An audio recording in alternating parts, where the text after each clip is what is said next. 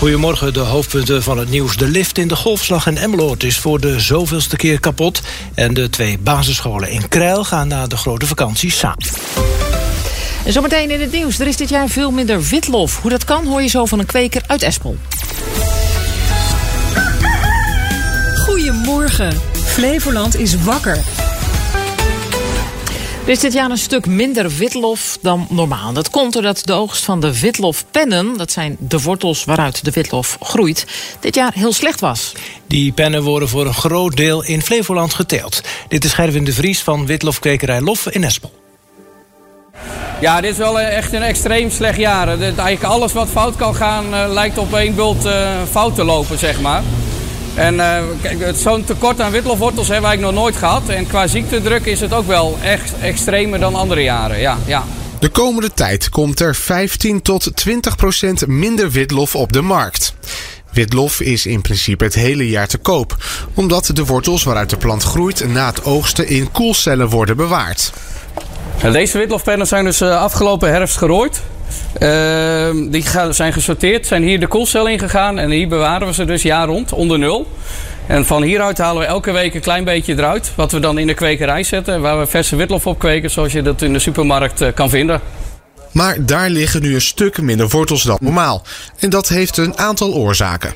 Dus in mei, juni, als we normaal witlof zaaien, was het kurk, kurk droog, harde oostenwind. Dus we hadden een hele moeilijke opkomst. Met eigenlijk uh, als resultaat te weinig planten per hectare. Waardoor we eigenlijk al op een achterstand begonnen. En uh, dan hadden we een vrij normale, mooie zomer. Nou, ik denk, dan gaan we rooien. En tot half oktober ging dat goed. En daarna werd het zeik, zeik nat. Dus ja, de rooiomstandigheden waren heel beroerd. Daardoor hebben we gewoon een tekort aan witlof. Er is wat meer in het vel blijven staan. We hebben niet alles kunnen rooien door de nattigheid. En uh, ja, daardoor zitten we nu gewoon met, met een tekort van uh, rond de 15, 20 procent aan witlofwortels. En die wortels zijn door het natte najaar ook vatbaarder voor ziektes als Phytophthora. Normaal uh, zit er wel eens een enkele in een perceel, maar we hebben nu partijen erbij met 10, 20 procent en misschien nog wel meer de komende tijd. Want dit probleem wordt erger naarmate ze langer in de koeling zitten. Het resultaat is dat er de komende tijd minder witlof in de winkels zal liggen. Maar de witlof wordt niet meteen heel duur. Nou ja, kijk, de beschikbaarheid van witlof is misschien iets lager, maar qua prijs is het, denk ik dat het meevalt. De meeste supermarkten hebben langjarige contracten, dus die zijn al afgesproken voordat echt de problemen bekend waren.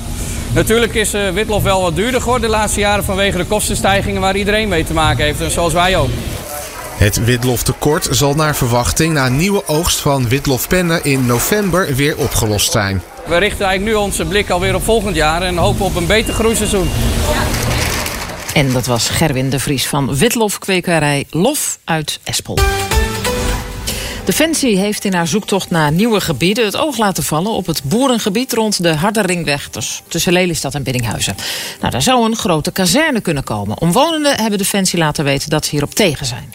Maar ze hebben verder nog niets gehoord van de plannen. De onzekerheid vinden ze heel vervelend. Jan Romein woont ook in het gebied. Dat is eigenlijk het probleem, dat je onwetend bent en ze zeggen dan we lopen de zienswijze, je moet de zienswijze in gaan dienen. Nou, dan moet je eerst maar gaan bedenken, ja, wat ga ik daarin zetten? Dat we hier hele mooie landbouwgrond hebben, ja, die hebben we overal uh, in de polder natuurlijk. Dus er zijn meerdere zoekgebieden aangewezen in de polder. Nou, het zijn allemaal mooie landbouwgebieden, dus dat heb je niet als uniek hier. Het valt de mensen rauw op hun dak. Door alle ellende in de wereld snapt omwonende Maurice Prins de noodzaak van uitbreiding van ons leger. Wat me heel erg afvraag is, huidige locatie. Wat is daar aan de hand dat daar niet uitgebreid kan worden of geherstructureerd kan worden? Uh, daar ben ik benieuwd naar. Wat is de argumentatie dat ze hier naartoe willen? We zitten hier vier meter onder zeeniveau. Dus als je hier iets met defensie gaat doen en de vijand wil wat, dan is het de dijk kapot schieten. En de bol staat onder water. Dus wat is het argument dat ze hier naartoe komen? De brief met het nieuws kwam van de gemeente. De mensen vinden het raar dat ze nog niets van Defensie hebben gehoord. Dat willen ze wel graag, iets meer duidelijkheid. Je hoort Hans Paalman, die ook woont en werkt in het gebied. We hopen natuurlijk wel dat Defensie zo snel mogelijk uh, antwoordt op onze vragen ook. Het ook uh, belangrijk hè, dat we zekerheid krijgen. Hè. Uh, ook al zou het hier komen, dan, dan heb je zekerheid. Dan weet je waar je aan toe bent. Ja, je kunt nou niet uitbreiden, je kunt niks, want je wilt er eigenlijk geen energie in steken. Tot slot nog een keer Jan de Remijn, die je aan het begin ook hoorde. Zegt moet, dan moet je weg. Dan, dan zullen er oplossingen, maar dan kun je ergens over praten. Nu weten we eigenlijk niet goed waar je over praat met z'n allen. Want de buurt weet nog niks. We weten net zo, de gemeente weet niks. De provincie weet eigenlijk nog niks. Dus je weet eigenlijk niet één van allen waar je aan toe bent en waar je over kunt praten. Bewoners van de Harderingweg tussen Lelystad en Biddinghuizen... die dus in onzekerheid verkeren over de defensieplannen. Eind dit jaar moet duidelijk zijn waar, hoe en of Defensie grond wil gaan gebruiken in Flevoland. Wat hebben we gisteravond gemist, Jolien, op radio en tv? In Met het oog op morgen ging het over de rellen van zaterdagavond... rond een bijeenkomst van Eritreërs in een zalencentrum in Den Haag. Senai Gebreab is hoogleraar Socially Intelligent AI... aan de Universiteit van Amsterdam. En hij is als kind vanuit Eritrea gevlucht naar Nederland. En de rellen die verrasten hem niet. Laat ik allereerst benadrukken dat de rellen gisteren in Den Haag... Uh, zeer te betreuren zijn. Uh, dat soort praktijken moet je ten alle tijden afkeuren. Het is ook goed dat tegenstanders vandaag een excuus excuses uh, hebben aangeboden voor de escalatie. Uh, maar de rellen had je al kunnen aanzien komen. Volgens Kipriap worden politici, ambtenaren en bestuurders al jarenlang gewezen op de spanningen. Partijen in de Tweede Kamer willen opheldering over de rellen. Het is goed om onderzoeken te doen. Uh, het is nog beter te leren van onderzoeken die al gedaan zijn. Er is veel onderzoek gedaan. Er is best wel veel kennis over de situatie, de complexe situatie van Eritreërs in Nederland. Alleen er wordt weinig mee gedaan. En ik denk dat de onwetendheid en tot een bepaalde mate ook onverschilligheid waarmee politici en anderen nu reageren op de rellen, dat draagt niet bij aan de oplossing. Uh, dat draagt, draagt hoog uit bij aan de groeiende anti-immigratiesentimenten nu in Nederland. Langs de lijn was in Apeldoorn bij de NK Atletiek met atlete Femke Bol als de grote ster. Als zo'n wereldtopper in actie komt, dan is daar veel publiek bij aanwezig. Dat weet ook de Olympisch kampioene van 1992, Ellen van Lange. We hebben een aantal jaren natuurlijk geleden ook een beetje gezien met Daphne. En Daphne Schippers, waarvoor ook echt mensen naar het stadion kwamen. En dat zie je nu ook met Femke en in nog grotere mate. Want hoe, hoe, goed zij draait, dat is echt heel bijzonder. Het feit dat ze gewoon knijterhard loopt natuurlijk. Maar ook gewoon haar benadering. Ik bedoel, ze komt altijd heel erg leuk en vrolijk over. Maar ook heel gefocust. Ze weet gewoon echt waar ze mee bezig is. En ik denk dat iedereen dat kan zien. Ik denk dat zij ook heel erg de gunfactor heeft. Tijdens het NK Atletiek in Apeldoorn zat de hal met zo'n 5000 mensen helemaal vol. Femke Bol kan zich nog wel herinneren hoe anders dat was in haar begintijd. Ja, ik ben mijn eerste NK werd ik laatst in de finale. Ja, toen zat het echt, uh, die tweede ring was niet eens open, denk ik. Het is echt bizar hoe vol het tegenwoordig zit. En ja, hoe de mensen ook atletiek kennen en er helemaal in meegaan. Echt, is, ja, het is zoiets bijzonders om dat mee te maken. Dat is ook echt uh, een droom die uitkomt. Ik kreeg echt kippenvel bij het voorstellen. Zoveel mensen. Het is echt, ja, het is een beetje onwerkelijk. maar we hebben allemaal meegenoten van Femke Bol. Ja, dat het was, nog, uh, was nog vlak na haar uh, race, ja. denk ik. Dan heeft ze altijd zo'n heel hoog stemmetje. Ze eigen nog. Ja, grappig. Dat was gisteravond op radio en tv. Gaan we naar eh, de sport van het afgelopen weekend. Almere City FC heeft zaterdagavond uitstekende zaken gedaan... door te winnen van PEC Zwolle. Het werd in Zwolle 0-1 en daardoor hebben de Almere's nu aansluiting met de middenmoot. Thomas Robinet scoorde na rust. Ondanks de winst ziet trainer Alex Pastoor nog ruimte voor verbetering. Ja, want dit was wel een wedstrijd zoals jullie het eigenlijk willen, toch? Nou, in zoverre dat we uh, pas in de tweede helft en zeker na de driedubbele wissel... Uh, toen nam de controle over de wedstrijd uh, ja, echt toe tot bijna 100 procent. En niet dat het in de eerste helft slecht was, maar 100 procent vond ik het niet. Gaan we naar atletiek. Keitaro Oosterwolde reageerde nuchter na het missen van een medaille op de 60 meter bij het NK Atletiek in Apeldoorn. Vorig jaar pakte de Almere nog een zilveren medaille. Nu bleef de sprinter steken op de vierde plek. Oosterwolde voelde bij de start al dat een toptijd er niet in zou zitten.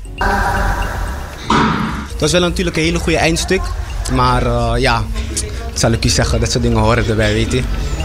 Is het te verklaren? Kun je het uh, voor jezelf verklaren? Um, ja, natuurlijk. Eh, ja, zulke dingen gebeuren gewoon, weet je. Je kan niet altijd een perfecte race lopen. Um, dus ja, dat eigenlijk vooral. Vorig jaar sprak ik hier met een zilveren medaille. Ik dacht, misschien zit er vandaag wel goud in. Een trapje hoger, maar dat is niet gelukt, hè? Ja, ja, ja. Zo, dat hoort erbij. We zijn eenmaal sprinters. We hebben maar één kans. En ja, je raakt of je mist. En Dat is ook het lekkere natuurlijk van die sprinten. Ja, natuurlijk, want dit geeft me eigenlijk heel veel motivatie om natuurlijk door te gaan naar buiten. Dus uh, dat is goed. Nou, kijk eens aan. Oosterwolde liep een tijd van 6 seconden en 79 honderdste. De winnende tijd op de 60 meter was voor Xavi Joy Moy Ayok. Hij klokte 6,69. Want nog een Flevolander in actie op de 60 meter. Almere Jamie Sessai werd met 6,90 achtste en laatste in de finale. En dat was de sport van het afgelopen. En dan de berichten van buiten Flevoland. Ja, de nationale ombudsman, ik zei het al, begint een onderzoek naar een lijst waar mogelijke terroristen op staan. Verdachte mensen worden daar opgezet. Een melding van de politie is daarvoor voldoende. Mensen op die lijst weten vaak zelf niet dat ze erop staan en soms is het ook onterecht. Als je daar onterecht in staat, dan krijg je allerlei problemen bij de grens. Dan kun je geen visum krijgen, dan word je soms wel opgesloten in een ander land. Nou, dus het is heel belangrijk om te weten en te kunnen controleren of zo'n melding er is en of die terecht is. De ombudsman gaat onderzoeken of de overheid goed omgaat met deze lijst. Op de slotdag van de wereldkampioenschappen schaatsen in Calgary... heeft Kjeld Nuis zilver gewonnen op de 1500 meter. Het goud ging naar de Amerikaan Jordan Stoltz. Voor Nuis was het zijn tweede medaille na het brons op de 1000 meter. Ik ben ontzettend blij. Ja, zilver en brons. Uh, had ik twee weken geleden absoluut keihard mijn handtekening ondergezet. Ben je geïnspireerd geraakt trouwens vandaag door iemand? Door Joe Deunen, je vriendin? Ja, niet normaal. Ik heb wel een traantje weggepinkt. Ik ben ongelooflijk trots en uh, een goud wijf. Ja, ook voor Beunen waren er twee medailles. Ze pakte het goud op de 5 kilometer en daarna won ze brons op de 1500 meter. De Nederlandse industrie blijft krimpen. In de laatste drie maanden van vorig jaar was de omzet ruim 9% lager dan in dezelfde periode het jaar ervoor. Daar zijn volgens deze econoom van ABN AMRO twee redenen voor. Ten eerste die prijzen, ja, die piekten in de industrie in de zomer van 2022. Dat had toen alles te maken met de zeer hoge gasprijzen als gevolg van de oorlog in Oekraïne. Die prijzen zijn nu weer uh, aan het dalen. Uh, en daarnaast is er ook uh, minder geproduceerd in het vierde kwartaal. Uh, en dat komt doordat er weinig vraag is naar industriële producten. Vooral de chemische industrie heeft het lastig. Vorig jaar gingen in de hele industrie 270 bedrijven failliet. En dat is het hoogste aantal in vijf jaar tijd. Dat waren ze de berichten uit binnen- en buitenland. Voor een goed gesprek stem je elke werkdag af op Studio Flevoland. Er zijn veel meer praatprogramma's en daar kijken we niet op een uh, vijf of tien minuten. Uh. Nee, dat doen wij wel. Uh, stop ook met het gesprek. We zijn bij je van de thee tot het diner. Met interessante Flevolandse gasten en achtergronden bij het Flevolandse nieuws. Uiteraard zitten we ook bovenop de Flevolandse actualiteit. Studio Flevoland. Elke werkdag vanaf 3 uur bij Flevoland op radio en tv.